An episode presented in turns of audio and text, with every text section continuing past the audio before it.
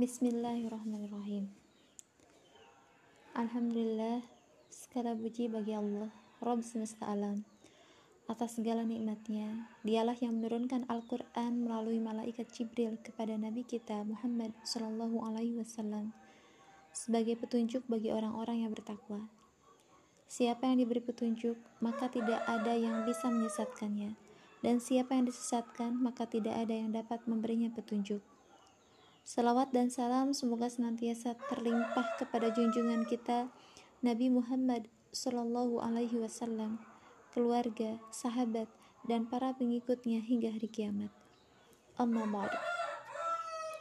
Mujizat terbesar yang diberikan kepada Nabi Muhammad dan berlaku sepanjang masa adalah Al-Quran.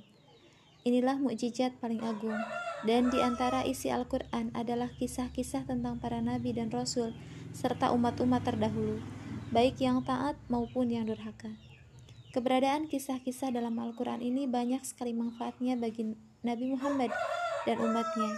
Misalnya, untuk menghibur Nabi Shallallahu Alaihi Wasallam yang mengemban amanah menegakkan risalah yang sudah barang tentu sangat berat.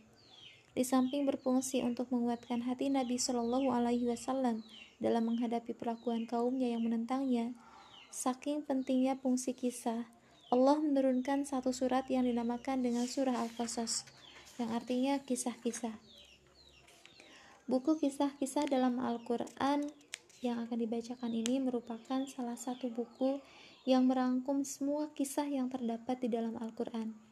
Ditulis oleh Syekh Hamid Ahmad At-Tahir yang sangat hati-hati dalam menyeleksi nama-nama yang sangat hati-hati dalam menyeleksi mana-mana riwayat yang sahih, lemah, dan Israiliyat. Dalam hal ini, penulis lebih mengedepankan kisah yang benar-benar valid dan otentik secara periwayatan.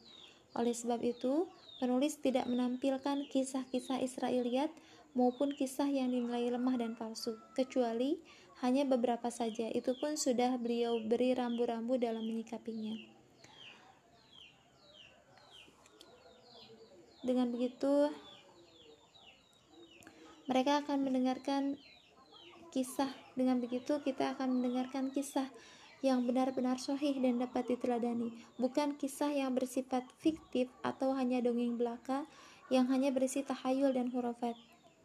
Terakhir, kami berdoa semoga Allah Azza wa Jalla agar berkenan mencatat semua ini sebagai amal kebaikan bagi semua pihak yang ikut andil dalam menyebarkannya kepada umat.